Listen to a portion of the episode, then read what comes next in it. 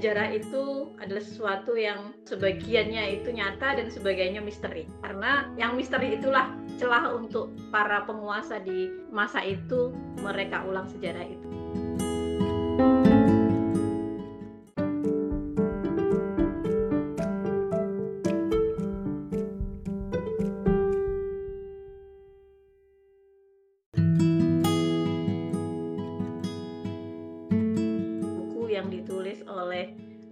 Hudori atau nama panjangnya Laila Saleha Hudori. Ini buku yang kesekian ya karena memang beberapa bukunya sempat bestseller juga. Setelah Laut Bercerita, kali ini judulnya adalah Pulang. Di novel Pulang ini yang dicetak pertama kali pada tahun 2012 dan pada tahun ini yang saya baca ini adalah cetakan yang ke-18.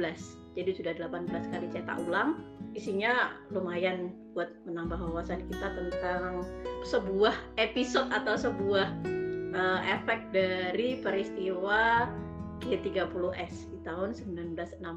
Jadi ini pandangan yang sebenarnya netral, jadi tidak untuk menambah beban kelamnya sejarah itu tidak, tapi uh, secara sisi kemanusiaan ini cerita yang bersifat netral, tidak membuat masalah itu semakin lebar, tapi memang efek itu dirasakan gitu ya. Efek itu memang ada dampak itu memang ada terhadap atau menimpa orang-orang yang sebenarnya tidak terlibat langsung. Saya sih pernah juga mendengar cerita itu dari dari orang tua gitu kan. Kadang kan namanya juga rakyat biasa yang dia tidak tahu apa-apa, dia hanya ikut-ikut, mungkin ada yang simpati, mungkin hanya diajak, tapi ketika pembersihan di tahun setelahnya itu terkena dampaknya bahkan sampai ke anak cucu. Nah, di buku ini itu menceritakan efek yang dirasakan oleh nggak semua orang yang terlibat dalam kegiatan itu, nggak semua orang yang terlibat dalam peristiwa itu itu bisa hidup menghirup kebebasan baik itu di negeri sendiri maupun yang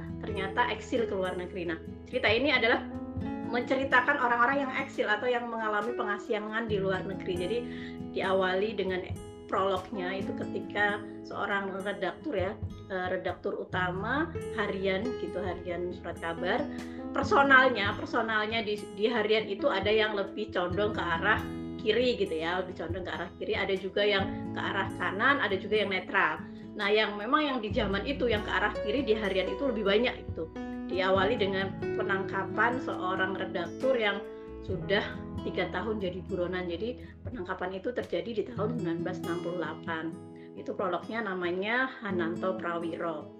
Uh, terus dilanjut dengan seorang yang bernama Dimas Suryo. Dimas Suryo ini ketika di harian itu dia sebagai anak buahnya Hananto.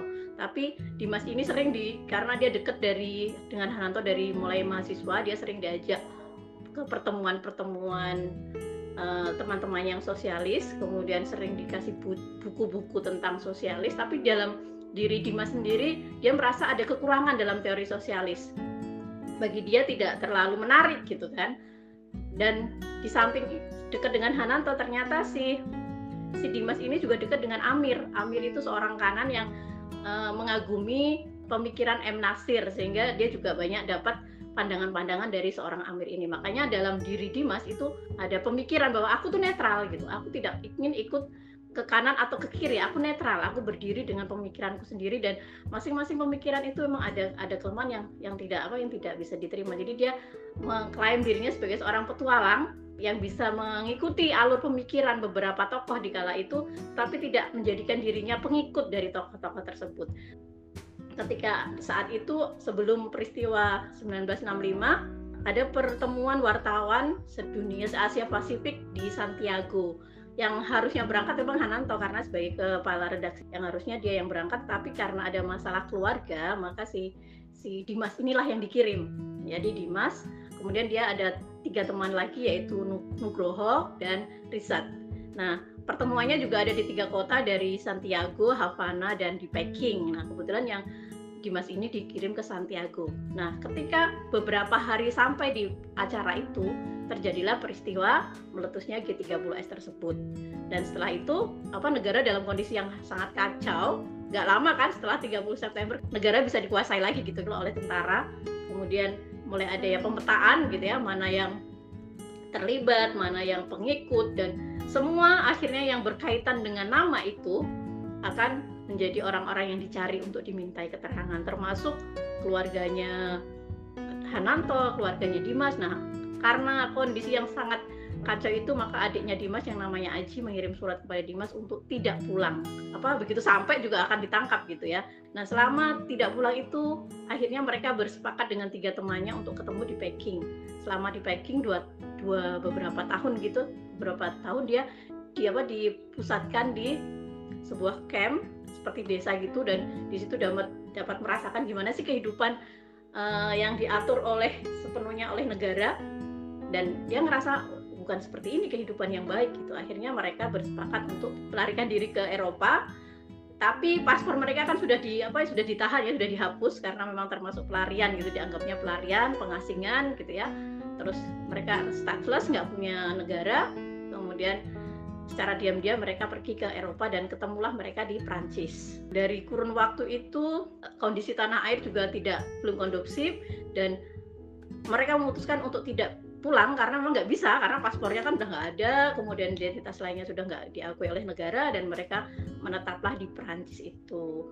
Sementara di tanah air keluarga Hananto juga diinterogasi kemudian padahal istrinya yang namanya Surti itu itu tidak tahu apa-apa tidak tahu suaminya bergaulnya dengan siapa dia memang pure ibu rumah tangga dan dari situ setiap pertanyaan yang diajukan nggak bisa dijawab sih dengan siapa Hananto bergaul. Dan Surti ini sebenarnya di awal di masa lalunya itu sebenarnya pacarnya Dimas. Jadi Dimas itu menyukai Surti sejak pertama kali ketemu di Universitas Indonesia sejak pertama kali jadi mahasiswa baru. Tapi sayangnya karena Hananto yang sudah kerja Hananto lah yang mempersunting Surti. Sementara Dimas sendiri waktu itu masih mahasiswa dan masih belum punya keinginan untuk terikat. Jadi cinta pertamanya itu diambil oleh sahabatnya sendiri.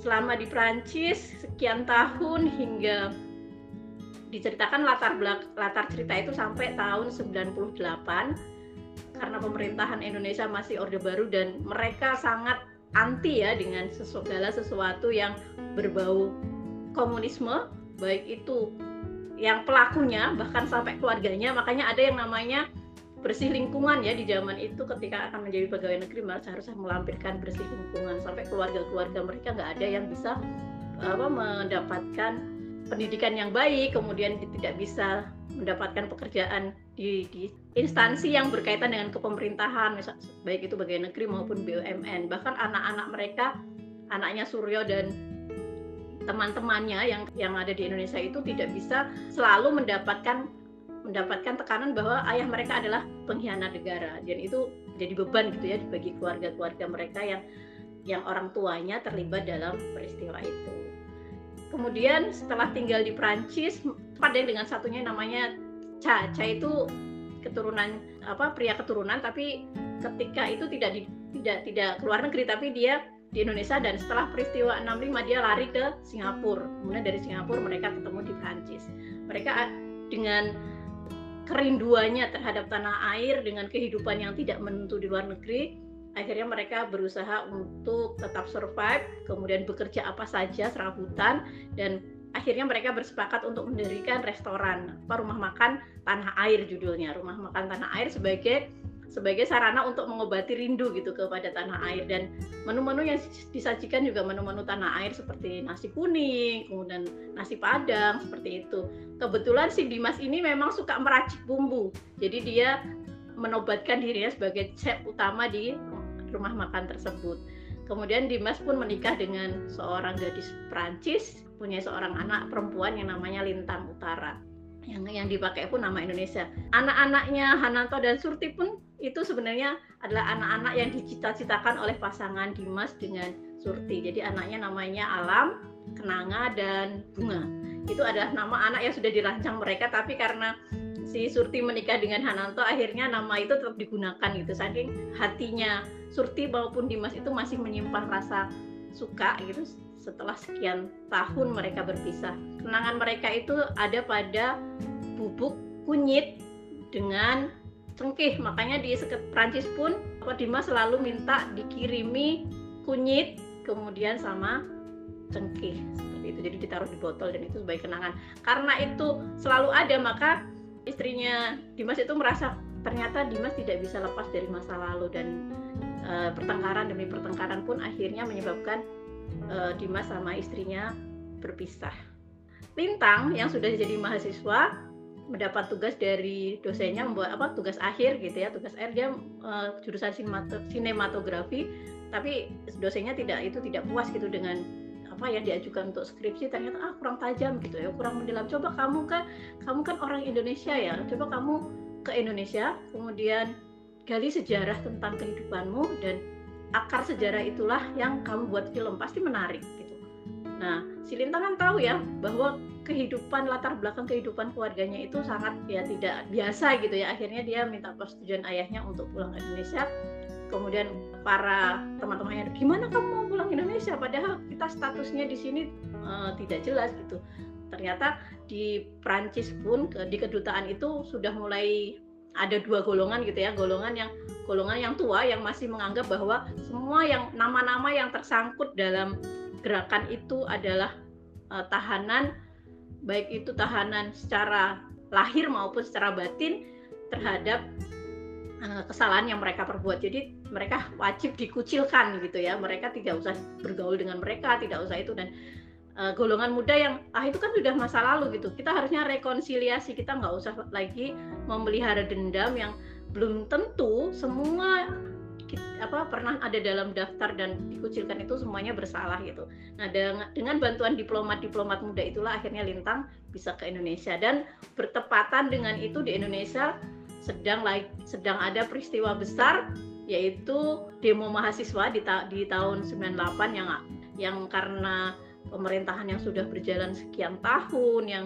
uh, presidennya nggak ganti-ganti kemudian ya kita tahu sendiri ya tahun 98 seperti apa dan itulah uh, sebenarnya sesuatu yang luar biasa gitu disam tidak mudah gitu ya bagi Lintang untuk mencari informasi menggali lagi eh, tokoh-tokoh yang pernah uh, merasakan dampak dari peristiwa uh, 30 S tersebut. Jadi Lintang menemui tokoh-tokoh itu, kemudian tetap juga Intel apa ya me, mengikuti. Jadi pernah di suatu ketika hasil rekamannya Lintang itu dihancurkan gitu, jadi dia sempat down gitu ya Allah. Eh, aku sudah berusaha sekian lama gitu kan mencari narasumber dan itu nggak mudah karena untuk menceritakan itu di samping membuka luka lama juga uh, ter terlalu riskan gitu kan.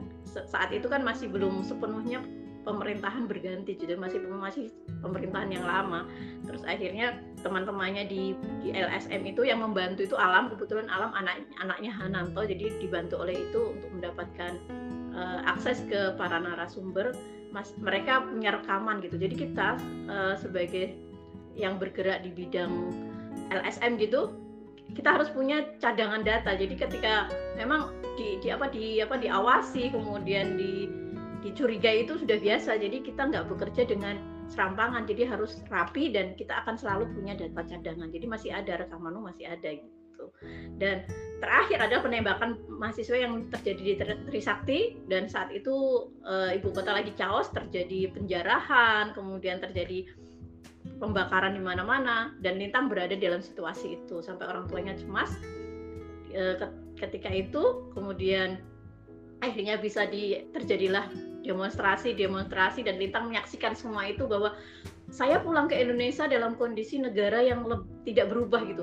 Rakyat yang masih mudah terprovokasi kemudian ada peristiwa yang tidak kita ketahui siapa dalangnya kemudian semuanya masih serba misteri dan dia sempat menangis gitu. Jadi apa yang terjadi ketika orang tuanya dulu sampai kelu sampai tertahan di luar negeri itu dia alami gitu. Dan dari perasaan takut itu akhirnya dia dikuatkan dan dilindungi juga oleh keluarga besarnya yaitu teman-teman ayahnya tersebut sampai akhirnya peristiwa demo reformasi itu mendapatkan hasil jadi lengsernya pemerintahan sah saat itu jadi suatu kabar gembira yang segera disampaikan juga ke orang tuanya karena si Dimas ini memang pengen sekali pulang dia ingin di masa tuanya dia berada di Indonesia. Dia ingin sekalipun tidak pulang dalam kondisi sehat, sekalipun dia tidak pulang dalam kondisi yang masih kuat, dia ingin pulang dan ingin dikuburkan di pemakaman karet. Dan saat itu pun secara diam-diam ternyata si Dimas ini menderita sakit liver ya dan akhirnya dia pulang pulang beneran ke Indonesia dalam kondisi sebagai jenazah seperti itu. Terinspirasi dari kisah nyata sih ingat aku ya. Uh, sekalipun ceritanya fiksi mungkin tokoh-tokohnya itu mungkin ada dan memang dalam nggak bentuk 100% sama tapi ada karena Orde Baru itu memang benar ya kita memang ada yang namanya ditsus, ada yang namanya harus bersih lingkungan, ada yang namanya KTP dikasih tanda dan itu memang ada gitu. Bahkan uh, di, di lingkungan saya gitu kan kata bapak saya nggak semua orang yang dicap itu mereka tahu gitu mereka pernah ikut itu mereka tahu tujuannya apa. Jadi memang waktu itu kan apa literasi terhadap perpolitikan sekarang pun sama ya literasi kita terhadap perpolitikan kan juga nggak nggak banyak amat. Jadi kita kadang antipati ah politik kan gitu. Karena memang kita punya trauma masa lalu gitu ya kita punya trauma masa lalu bahwa politik itu kotor dan politik itu menimbulkan dampak yang tidak kita inginkan ya.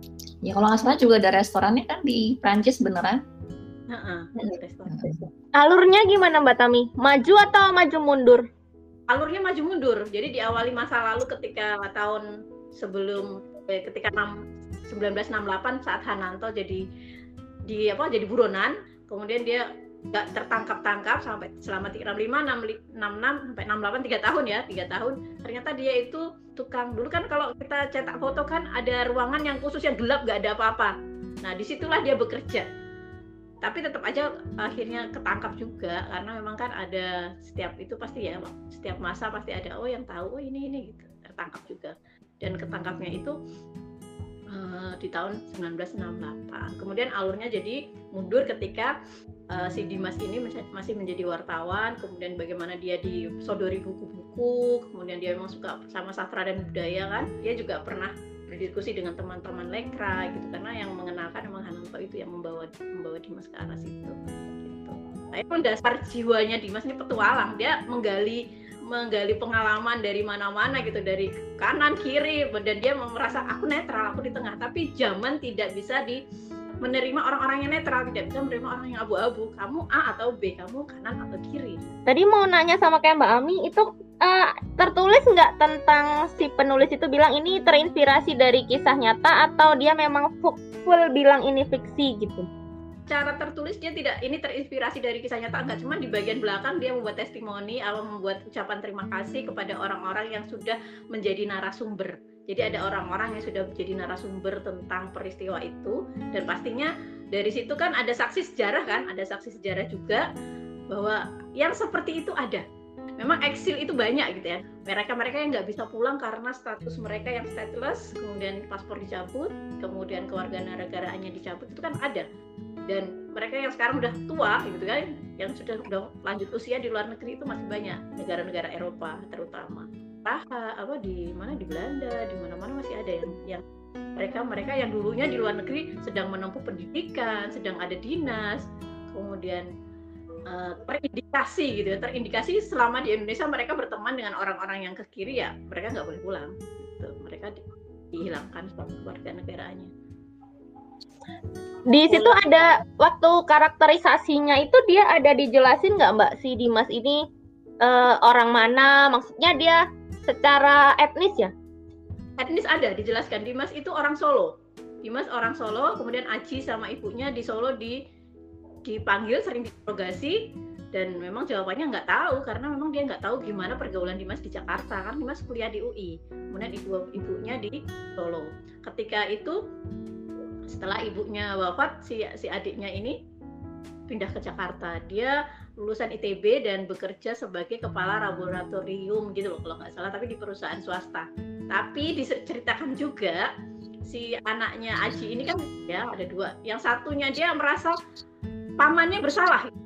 Selama dalam perjalanan sekolahnya dia sering di, diolokin temannya. Jadi keluarganya itu termasuk yang yang dicap gitu ya yang ditandai gitu. Jadi anak-anaknya pun dalam pergaulan juga nggak sebebas anak-anak yang orang tuanya bersih gitu padahal Aji juga nggak nggak terlibat karena dari kakaknya itu. Sampai anaknya pun itu merasakan hal yang sama dan akhirnya anaknya Aji ini keluar dari rumah. Nggak mau mengakui orang tuanya nggak mau mengakui keluarganya di hadapan teman-temannya agar dia bisa diterima.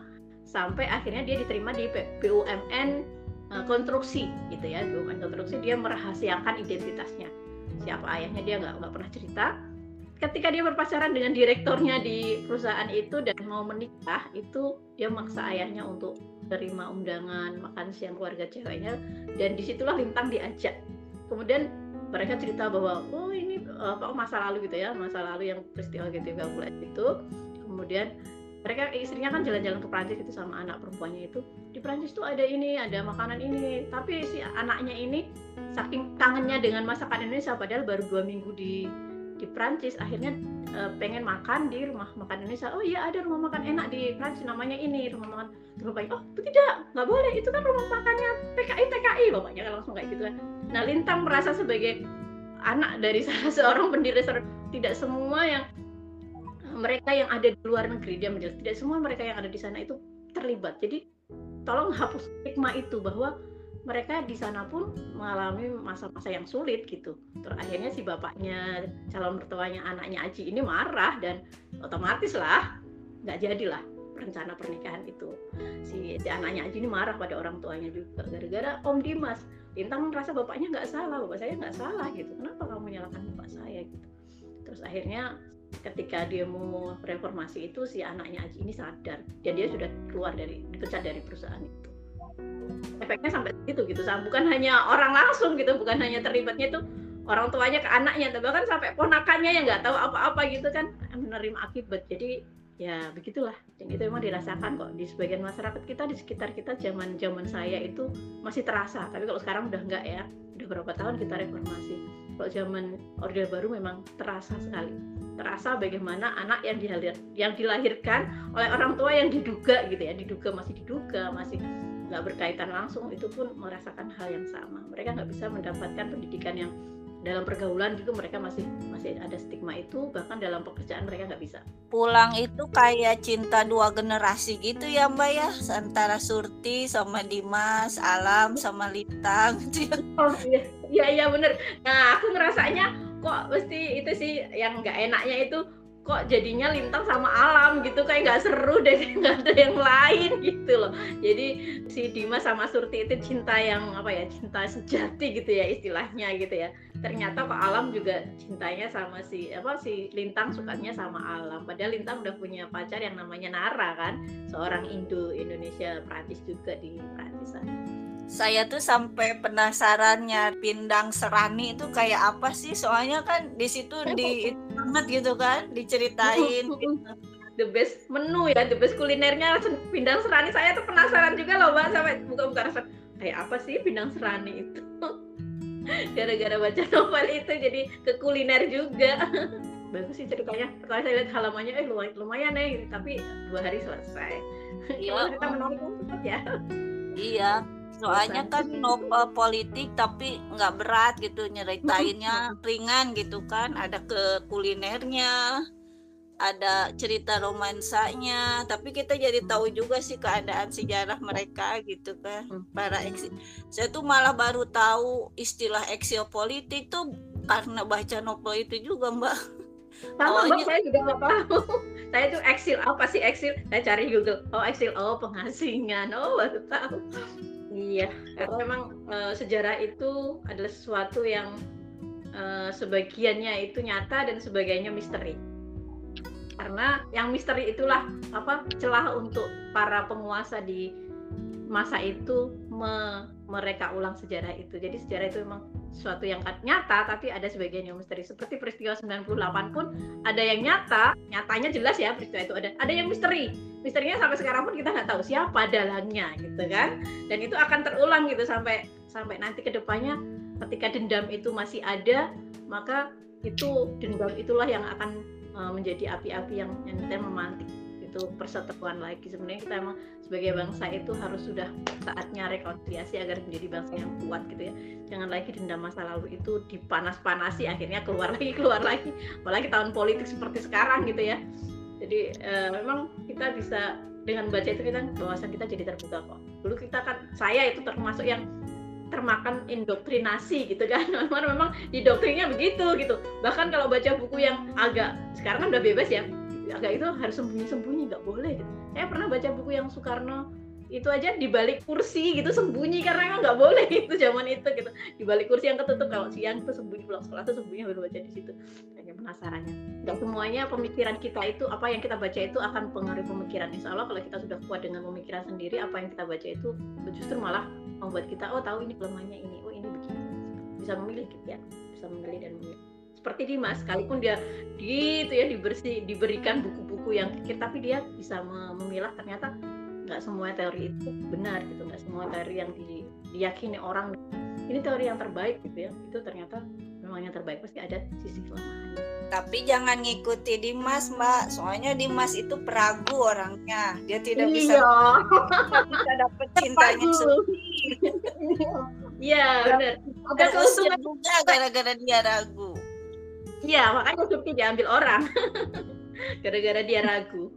Kalau emang orang-orang yang kuat ada orang yang memegang prinsip dan meyakini, makanya uh, ketika dia misalnya suka, dia sudah yakin dengan prinsip sosialis gitu, dia akan meyakini dan dia akan memegang itu. Nah, Dimas ini enggak gitu. Dimas ini orangnya peragu dan nggak punya prinsip itu, makanya akhirnya dia efek negatifnya yaitu cinta sejatinya nggak nggak bisa diraihnya jadi keinget ya. ini mbak. Mbak Tamin cerita membaca buku sampai sembunyi-sembunyi. Waktu aku membaca buku dari Cindy Adam itu itu aja udah apa namanya beberapa teman sudah melihatnya kayak gimana gitu. Kayaknya masih ini generasiku kan generasi uh, tengah-tengah gitu kan. Kayak kita di apa namanya dikasih pemikiran-pemikiran dari zaman kecil aja masih ini loh masih ada gitu. Sampai aku usia SMP waktu baca mau baca karya Cindy Adam aja udah kayak dianggap aneh. Kok kamu baca itu? Kok kamu baca ini? Nggak boleh ini nggak boleh itu. Nanti kayak gini atau nanti kayak gitu loh. Iya saya juga bukunya Cindy Adam itu mbak bacanya waktu SMP di zaman saya SMP berarti tahun 80-an tahun 81 kan mulai ada ketentuan litsus itu bersih lingkungan itu. E, disinyalir gitu ya rumornya adalah cara sebuah rezim mempertahankan kekuasaannya karena udah beberapa tahun kan berkuasa dan 81 itu udah tahun kesekian dia berkuasa ya, dan itu itulah. efeknya sampai tahun dua, uh, 98 2000 tahun sekitar tahun 2006 2003 2006 2002 lah 2002 sampai 2005 aja masih ada yang seperti itu. Efeknya panjang banget gitu apalagi buku-buku Pramudia ya bener-bener di backlist. Aku sampai khawatir mbak. Jadi aku kak pernah nih uh, mau mereview buku Pramudia gitu kan. Kok kamu bacanya buku Pramudia? Kamu bahaya banget. Sampai digituin ada yang pernah bilang seperti itu. Kamu kok bacaannya orang kiri ya gitu. Aduh. Itu sungguh. Langsung menghakimi hanya dari cover buku ya.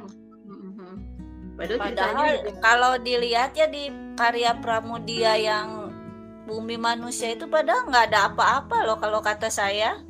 Ceritanya nggak ada yang kiri-kiri gitu gitu. Dari kan serialnya tuh ada empat. Saya baca semuanya apanya yang berbahaya? kata saya. Padahal biasa aja malah membangkitkan rasa kebangsaan kayak gitu kan. Yang ceritanya si Minke itu kenapa bisa dilarang? kata malah kan yang di di di alam di alam apa bumi manu yang di laut bercerita yang Laila Hudori juga apa menyinggung itu ya? Katanya kalau bawa buku-buku itu dulu mahasiswa itu sampai harus berbohong dengan tukang fotokopi gitu soalnya buku-buku itu jalan paling cepat untuk sampai di penjara kalau anak-anak mahasiswa baca seperti itu. Padahal dalamnya nggak ada apa-apa saking takutnya rejim gitu. Uh, bahkan karena, karena si Pramudia itu kan dulu kan ikut lekra itu kali mbak ya yang membuatnya bukan yeah. karyanya tapi orangnya gitu yang membuat dicekal tuh orangnya mungkin. Kalau buku-bukunya sih paling yang di pelarian dari Pulau Buru itu kali ya yang agak-agak ada ada unsur itu. Kalau yang lainnya sih nggak ada sih karena memang latar belakangnya zaman penjajahan. Ya karena lekras angkatan aku yang sebenarnya semua buku sudah diperbolehkan aja masih ada pemikiran-pemikiran seperti itu. Membaca karyanya Pram dianggap aku belajar paham kiri gitu kan. Kok kamu baca orang-orang dari kiri sih kok Pramudia sih gitu. itu kan dia orang kiri gitu kan. Ada yang sampai kayak gitu. Itu bahaya banget kamu nggak boleh. Sampai aku tuh khawatir ketika membaca karya-karya yang sedikit seperti itu maksudnya dari entah penulisnya atau judul-judulnya kayak gitu itu sampai khawatir nggak berani cerita ke temen Alhamdulillah ya sekarang udah be bebas ya Aku Tapi sampai masih sekarang nggak ngerti loh Mbak Isi. Siapa yang ke kiri, ke kanan tuh ngapain gitu ya? Kenapa orang-orang tuh langsung berkonotasi paham kiri, padahal belum tentu dia yang bilang itu mengerti gitu apa yang dimaksud dengan paham kiri dan paham kanan. Padahal nggak paham. Karena kalau di daerah mana ya daerah Solo terus kemudian daerah Solo terus kemudian Klaten dan sekitarnya juga. Klaten. Iya. Mm, Klaten Solo ya. Ragen daerah-daerah Kan dulu gitu ya. efeknya sangat luar biasa sekali waktu kejadian lalu itu. Aku masih ingat banget tuh tahun 96 97 itu bagaimana kondisi sana itu kayaknya ayo nggak boleh ini main jauh-jauh nanti bahaya ada ini ini lagi kayak gini ini lagi pemilu dan lain sebagainya. Waktu pemilu terakhirnya zaman Pak Harto. Aku karena anak pegawai negeri, jadi kita nggak bisa ngapa-ngapain. Semua pegawai negeri adalah Golkar. bener baca buku sembunyi-sembunyi itu begitu karena kita pegawai negeri dan kalau nggak boleh macam-macam kalian itu diawasi kita itu diawasi memang kan padahal eh, kan di bilik suara itu kan katanya rahasia ya tapi kok dia tahu gitu loh makanya saya heran nggak usah macam-macam. Jadi kalau kita mau mau kan zaman-zaman mulai mulai ada demo-demo gitu kan nggak usah macam-macam jangan macam-macam. Ya makanya sudah sudah diancam-ancam orang tua gitu akhirnya ya udah gitu. Jadi kayak ada kayak rasa ketakutan besar waktu aku SD itu apalagi mendekati tahun 97 98. Jadi kayak kita anak anak kecil itu dilarang ini, dilarang itu, dilarang itu yang masih berhubungan dengan hal-hal itu. Apa ketika di sekolah pun juga guru-guru menyampaikan nggak boleh ini, nggak boleh itu, disampaikan semua. Jadi kayak apa ya? Namanya anak kecil kan mesti ngikuti guru ya. Oh, ini nanti bikin kayak gini, ini nanti bikin gitu. kayak gitu sih.